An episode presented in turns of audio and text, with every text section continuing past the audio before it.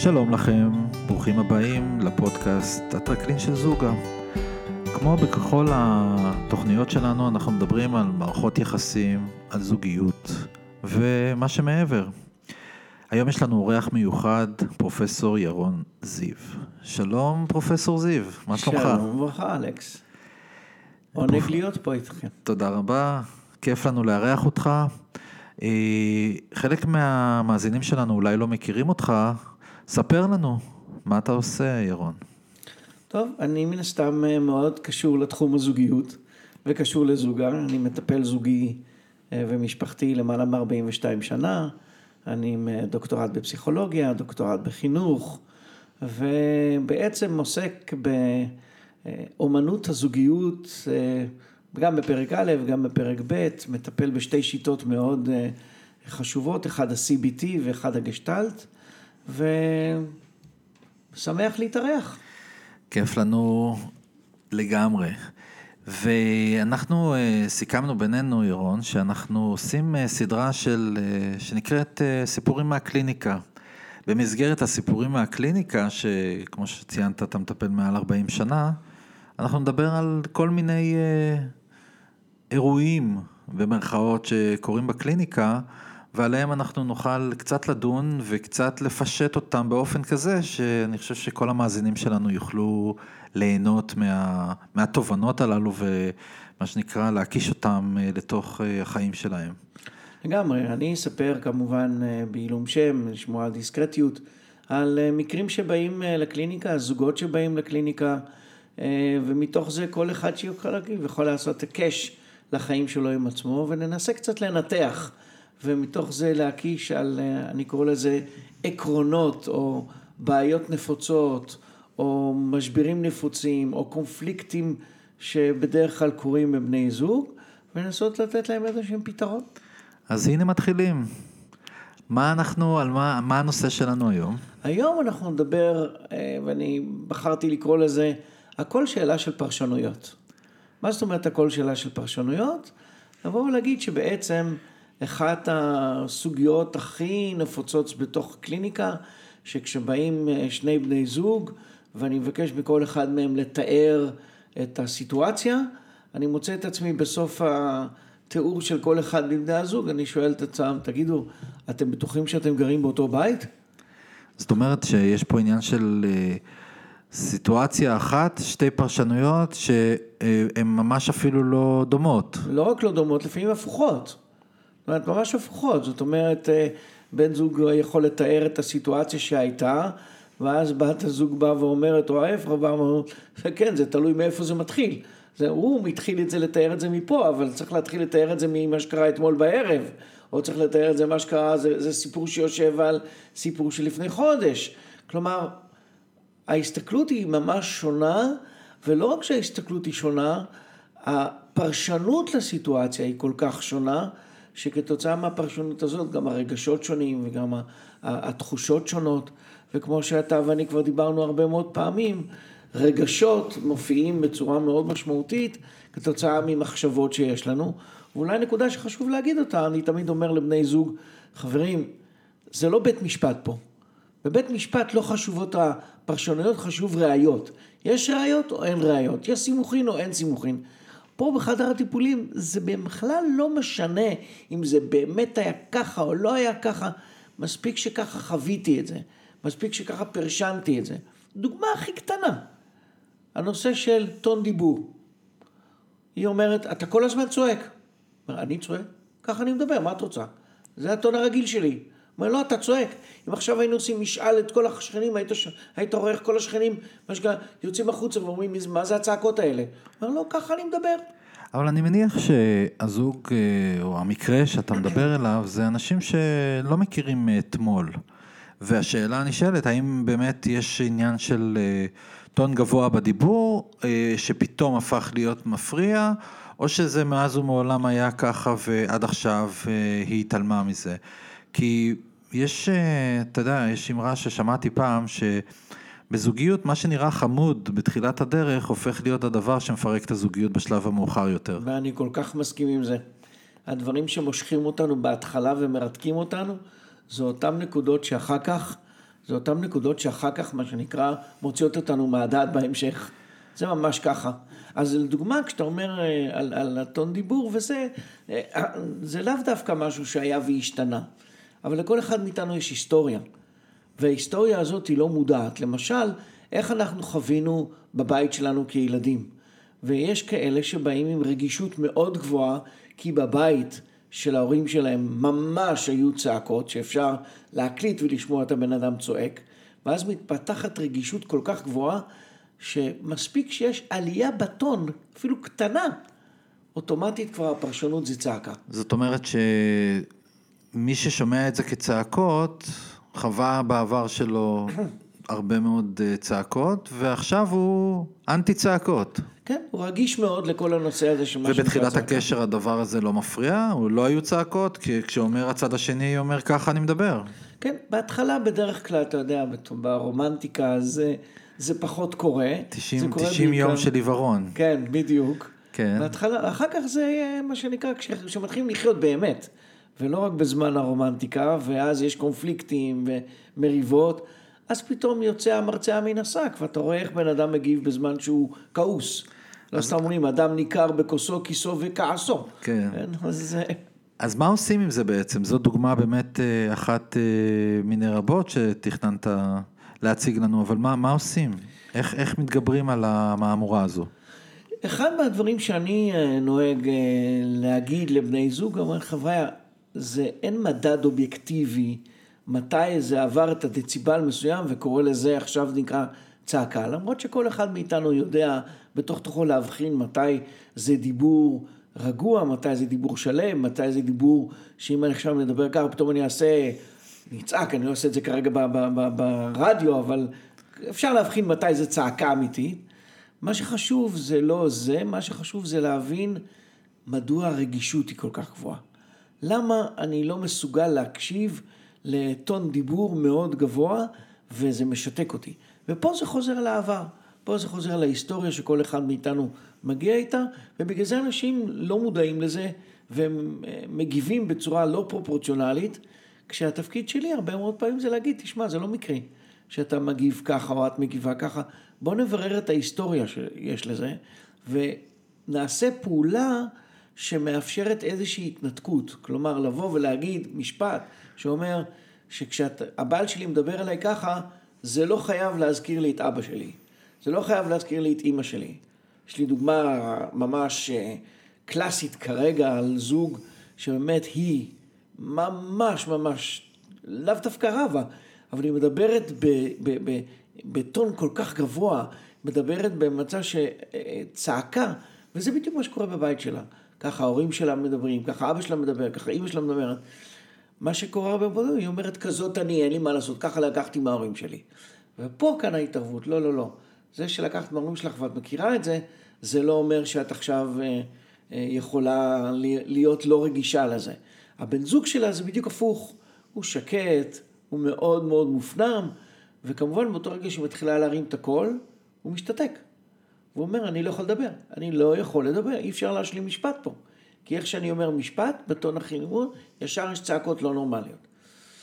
העבודה שלנו היא כמובן לשקף לבני הזוג את הרגישות של כל אחד מהם, ולעזור להם uh, לעשות פעולה שנקראת הרחקה. והיא? מה זה הפעולה שעושה הרחקה? זה לעשות את ההפרדה שקורית בין האסוציאציה לבית שבו באת ממנו, לבין מה שקורה. כן, יכול להיות שזה כמו אימא שלי, יכול להיות שזה כמו אבא שלי, ועכשיו בשאלה איך אני, איך אני מדבר אל עצמי ועושה סוגסטיה, לבוא ולהגיד, רגע, זה, אני יודע שזו נקודה רגישה אצלי, כי ככה ספגתי את זה בבית של ההורים שלי, ועכשיו אני, מה שנקרא ממש כמו, אתה יודע, כמו שעושים הפרדה בין אור ירוק לאור אדום, שאתה רואה אותו מחובר, כן. כמו במבחני ראייה כן, במשרד הרישוי. באמצע. כן, באמצע.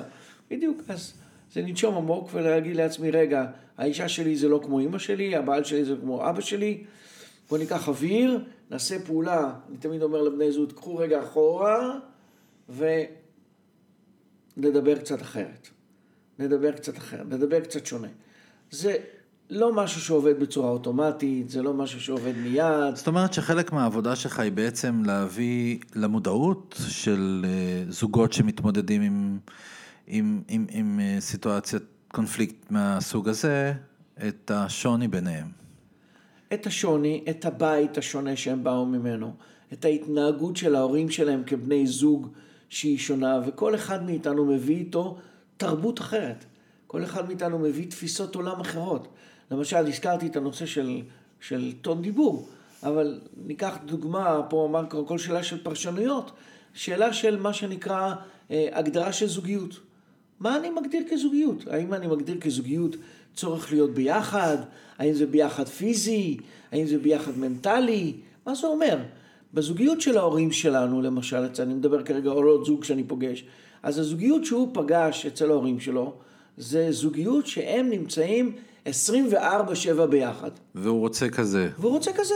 ואז כשהיא אשת קריירה, והיא עורכת דין במקצועה, והיא עמוסה בכל מיני ישיבות עד אמצע הלילה, כי זה, זה העבודה שלה. היא במקרה, אני ממש נותן דוגמה, היא עוסקת בעורך דין בנושא של אה, פינוי-בינוי.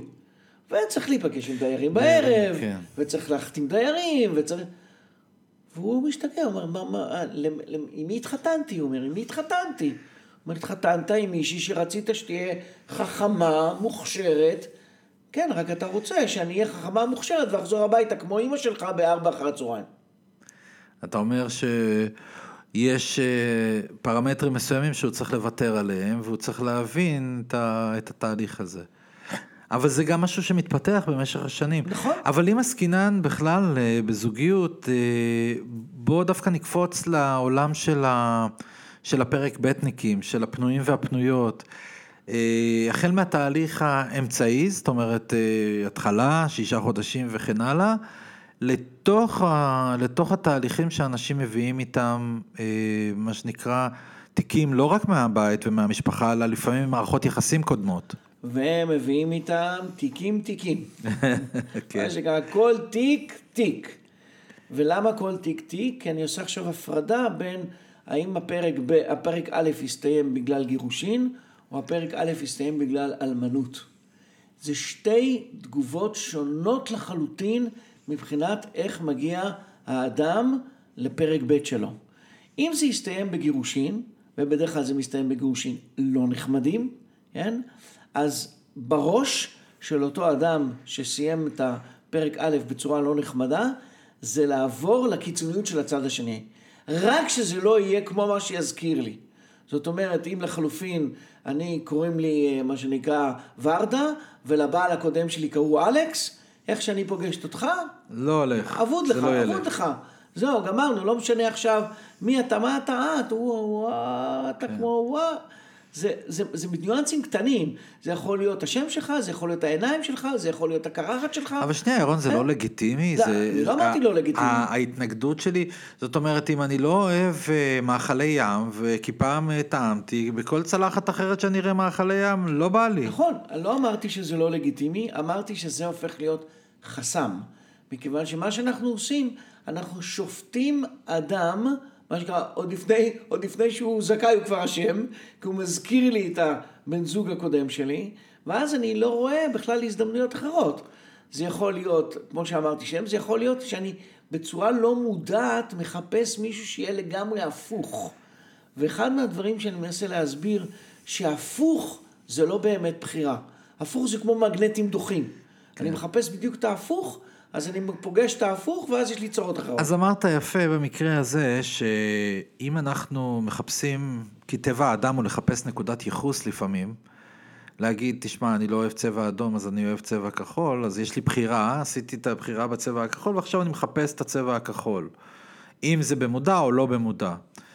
נשאלת השאלה, ואתה אומר שזה מהווה, מהווה חסם מסוים, ואני שואל, איך אני יכול לבוא לתוך סיטואציה נקי לחלוטין, מבלי שאני אתן לעצמי נקודת ייחוס. זאת אומרת, זה state of mind, זה, זה כאילו מצב, הוויה מסוים. אני, אני מסכים לגמרי, אני, הדבר היחידי שאני לא מסכים זה שאני לא יכול לבוא נקי לגמרי. כן, אין, אין, אין, אין סיטואציה כזאת, זה נכון. אין, אין מצב של תעמולה. אז מה, מה, אבל, מה אנחנו עושים אבל, כדי בדיוק. לשטח את העקומה? לשטח את העקומה, מילת המפתח זו מודעות. אוקיי. מילת המפתח זה ערנות ומודעות. זאת אומרת, שכשאני פוגש, פוגש, פוגשת בן אדם חדש לפרק ב', אני חייב, חייבת להיות מודע, מודעת, שיקפוץ ויצוץ כל מיני דברים שיזכירו לי את הבן זוג הקודם, כי אין, אין מצב שלא יהיה לגמרי. ויחד עם זאת, אני צריך להסתכל על כל השלם כולו, על כל הגשטלט כולו.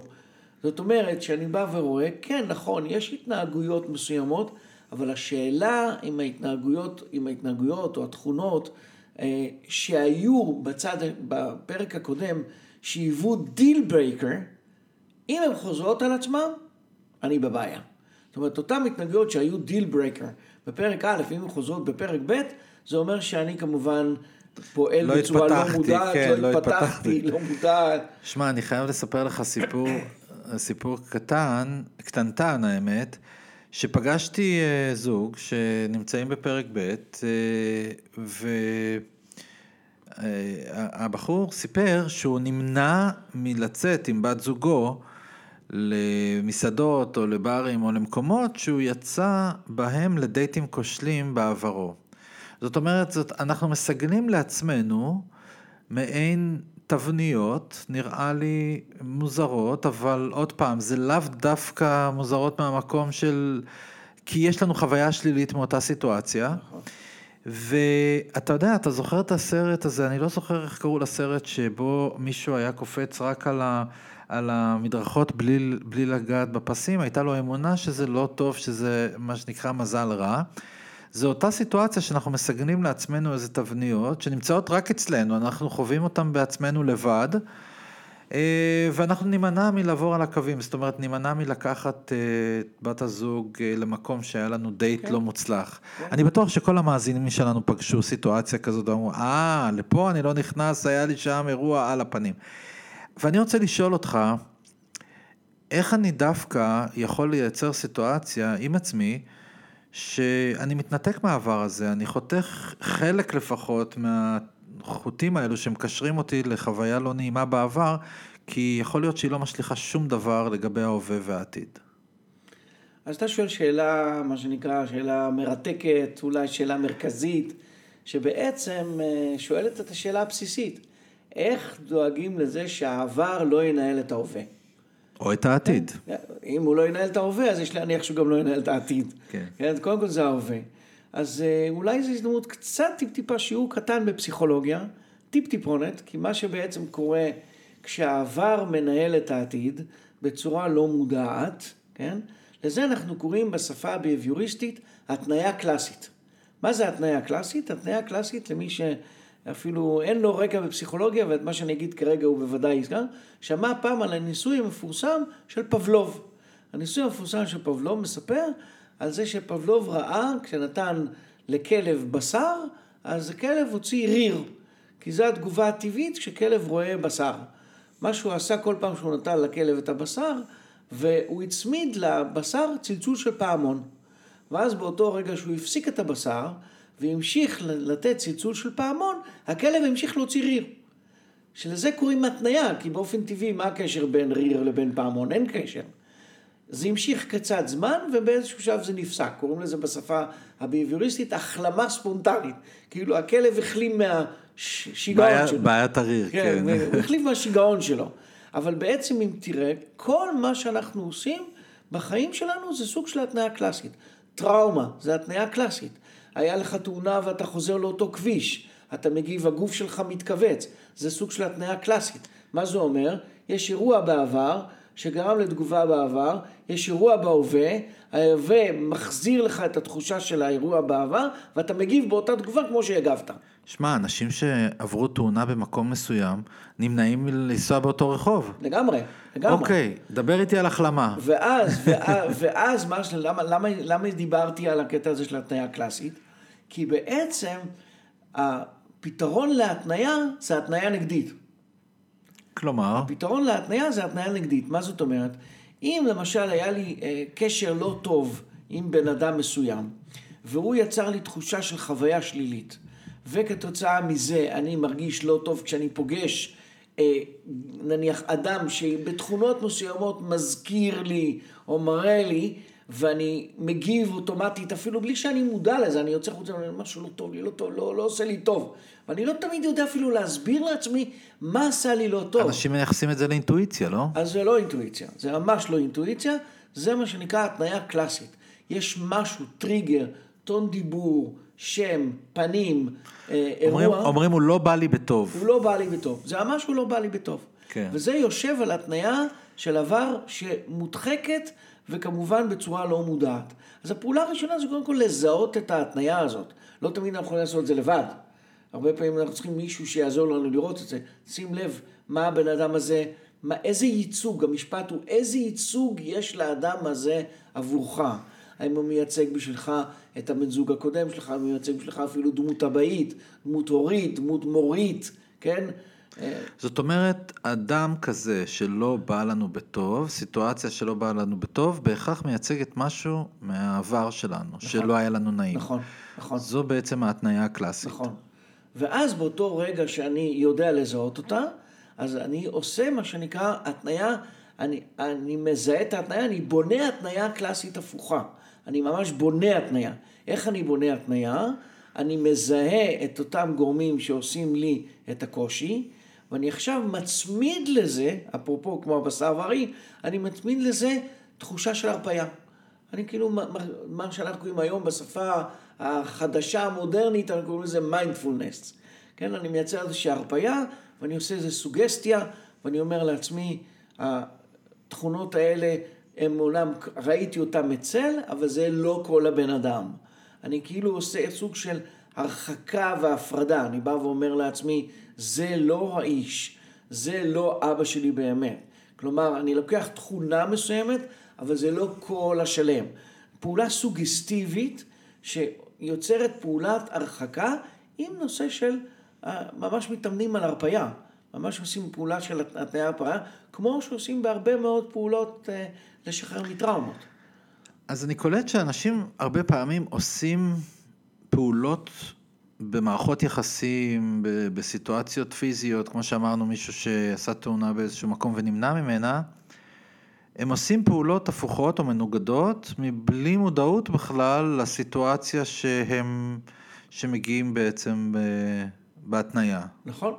אם אדם לא מודע להתניה הזאת, ואם אדם לא קולט את זה, הוא עושה מה שפרויד קרא בזמנו repetition compulsion, חזרה כפייתית. אדם כאילו משחזר את אותה התנהגות עוד פעם ועוד פעם ועוד פעם, בלי שהוא מצליח להשתחרר ממנה. הוא בוחר את אותם אנשים שלא היה לו טוב איתם. הוא אה, בוחר, למרות שלא היה לו טוב איתם. אילו זה היה עובד ברמה הגיונית, אז אדם היה אומר, זה לא טוב לי האיש הזה, לא טובה לי הבחורה הזאת, למה אני בוחר שם? אבל מכיוון שזה יושב ברמה של התניה, אני כאילו, התניה זה אומר, אין לי חופש, אין לי חופש בחירה. אני כאילו חייב לשחזר עוד פעם ועוד פעם ועוד פעם. ולכן התנאי היחידי לעשות איזושהי עבודה של שחרור, זה קודם כל לזהות מה חיבר אותי, מה הדביק אותי שם. וכאן אני הולך לגלות משהו, אני לא יודע אם זה לך יהיה גילוי, הולך לגלות משהו שאולי למאזינים אה, לא, לא, יהיה ברור, לא יהיה ברור מה- מובן מאליו, וזו הזדמנות לחשוב עליו. מה שקורה בצורה לא מודעת, הרבה מאוד פעמים, זה שאנחנו רואים בן זוג או בת זוג שמאוד מזכירים את אחד ההורים שלנו, מתוך, שימו לב איך אני מנסח את זה, מתוך מטרה לשנות אותו, כי אם הצלחתי לשנות את הבן זוג, זה כאילו שעשיתי תיקון בעבר, בהורה שלי. כן. שזה מדהים. כאילו, אני עשיתי תיקון בהורה שלי. עכשיו, למה? כי הפנטזיה שיש לנו כילדים, זה שיהיו לנו את ההורים המושלמים. זה הפנטזיה שיש לנו, אין לי הורה מושלם. כל מי שיש לו ילדים בגיל 4-5, מכיר את זה מצוין, אז הילדים חוזרים מהגן, והם אומרים, אבא שלי הרג 50 אלף ג'וקים, ואבא שלך זה, ואבא, אמא שלי הייתה כזה, מושלמים, כן? הם אומניפוטנטים. ברגע שפוגלים את המציאות ורואים שהם ממש לא מושלמים, אז הם עוברים לצד השני, בגיל ההתבגרות הם עוברים לצד השני, אתם זקנים, לא מבינים שום דבר, לא שווים. מאומניפוטנציה זה אימפוטנציה, והחיבור באמצע זה הערכה. מהערצה לביטול, ומביטול להערכה. מה שהרבה פעמים אנחנו עושים בצורה לא מודעת, זה פעולה שנקראת התקה, לא להעתקה, אלא להעתיק, להזיז. אנחנו מזיזים את כל מה שהיינו רוצים שיקרה אצל ההורים שלנו, אנחנו מזיזים כלפי בן הזוג שלנו. איתו אנחנו מתקנים, ההורים שלנו אנחנו כבר לא יכולים לתקן, או שהם כבר לא בחיים, או שהם כבר מבוגרים מדי, אז אנחנו עושים את זה עם בן הזוג. וזה כמובן משהו שבן הזוג עצמו לא יודע שהוא הופך, הופך אובייקט השלכתי, הוא הופך להיות אובייקט של השלכה בלי שהוא אפילו מודע לזה. אני אתן דוגמה קטנה, וזה למשל בגיל ההתבגרות. כן. בגיל ההתבגרות צריך להיות מרד, טבעי. כל מתבגר בונה את האישיות שלו על ידי זה שהוא נפרד מה, מה, מהאישות הזאת, כן? דרך אגב, זה מתחיל כבר בגיל שנתיים, דובון לא לא. ככה אני, אני שונה מההורים שלי. אחר כך זה מקבל את זה בגיל ההתבגרות. אה, למה אתם מבינים? יא, מה, מה שלומך? יא כן. חופרת, כן? עכשיו, אם התהליך הזה לא נעשה בצורה בריאה, אם התהליך הזה לא קורה בצורה בריאה, אז זה לא נעלם, זה פתאום מקבל ביטוי בתוך הזוגיות. שם אני פתאום, כל דבר מתמרד, כל דבר לא מוצא חן בעיניי, כל דבר. מתי אני יודע שזה משבר גיל ההתבגרות שלא נפתר בזמן הטבעי? שזה לא שמשהו אחד מפריע לי, כל דבר מעצבן אותי. כל פעולה שהבן זוג עושה, כל פעולה שהבן זוג כן. מעצבנת אותי, ואז אה, רואים שגיל ההתבגרות שלא עבר כמו שצריך בצורה הנורמטיבית, מועתק לזוגיות הזאת. כן. אז אה, מאזינים אה, יקרים, שימו לב שאתם לא בוחרים את אחד ההורים והולכים להתחיל לתקן אותם, כי לפי מה שפרופסור זיו אומר לנו פה, אה, זה סיפור ארוך. לכן מילת המפתח זו מודעות, מודעות, מודעות ועוד פעם מודעות. מאוד מעניין. ומה קורה עם, אה, מה קורה עם אה, טראומות פיזיות, כמו שנתנו לפני כן דוגמה שקשורה למיקומים, מקומות, אירועים שקרו שם באותם מקומות, איך אני יכול להחליף את הסוגסטיה הזאת? אז זה בדיוק אותו דבר, זאת אומרת, זה, זה, זה כמו כל, כל, תגובה פוסט-טראומטית. כל תגובה פוסט-טראומטית זה שאני לא חוזר לאותם מקומות שמציפים אותי בזיכרונות. עבודה עם פוסט-טראומה זה, זה, זה מה שנקרא עבודה עוד פעם של, אני, אני קורא לזה סוגסטיה והצפה, כלומר, אני לאט לאט, עוד פעם, בעבודה התנהגותית קוראים לזה, מה שאני קורא חשיפה, קוראים לזה חשיפה. אני בא למקום, וזה עוד פעם עבודה שעושים, אני בא למקום שמציף לי את הטראומה, ואני חוזר ובא למקום, עד שלאט לאט אני משחרר את ההתניה הקלאסית, שהמקום יישאר, מה, מה הרעיון בשחרור מההתניה הקלאסית? שהאירוע או המקום יישאר כתמונת זיכרון ולא כתמונה מפעילה. כי אם זו תמונה מפעילה, אני נמנע. אם זה נשאר כתמונת זיכרון, אז הזיכרון נשאר, כן? הזיכרון נשאר. למשל, אם אתה הולך למסעדה, ששם שמעת את השיר שהכי אהבת עם הבת זוג הראשונה שלך, שזה נגמר לא טוב, אבל שם רקדתם את הסלו הראשון.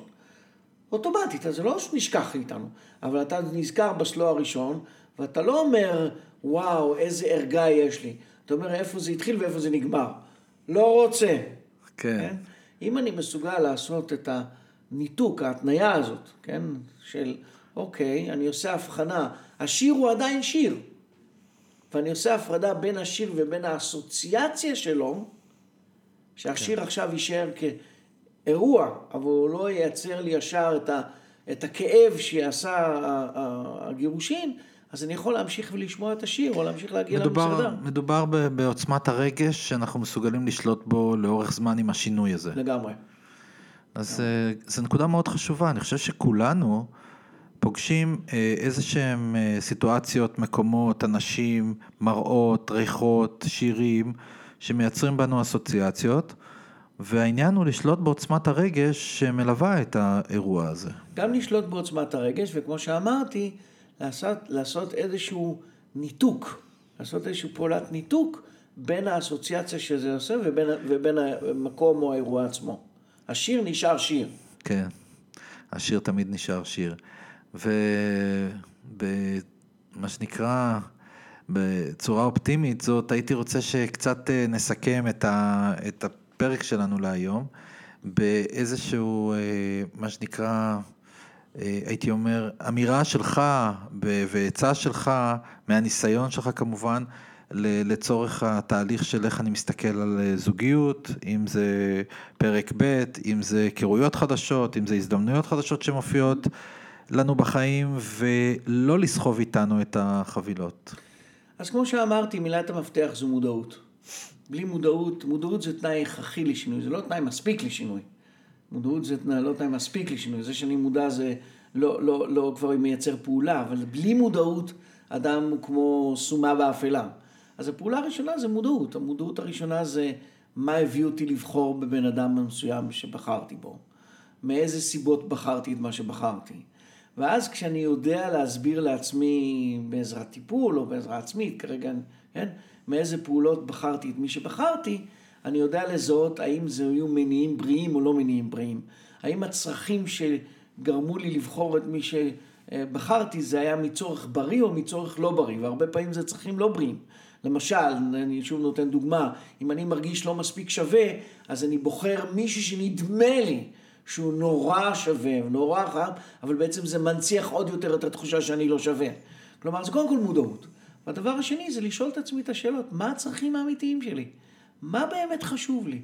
איזה ערכים חשובים לי בזוגיות? מה הצרכים החשובים שלי בזוגיות? מה אני מחפש? האם אני מחפש בן או בת זוג כדי לא להיות לבד? או שאני מחפש בן או בת זוג כדי להעצים את עצמי דרך הזוגיות הזאת, ושהיא תהיה הרבה יותר עשירה מאשר רק אנחנו עם עצמנו. אלה שאלות מאוד חשובות, שכל אדם חייב את זה לעצמו לפני שהוא נכנס למערכת יחסים. מרתק, תמיד, אה, תמיד עדכני ותמיד נכון. השאלות האלו הן חלק ממי שאנחנו בתוך הזוגיות. פרופסור ירון זיו, תודה רבה לך, מאוד נהניתי לארח אותך היום. תודה רבה לך. ונתראה בהמשך.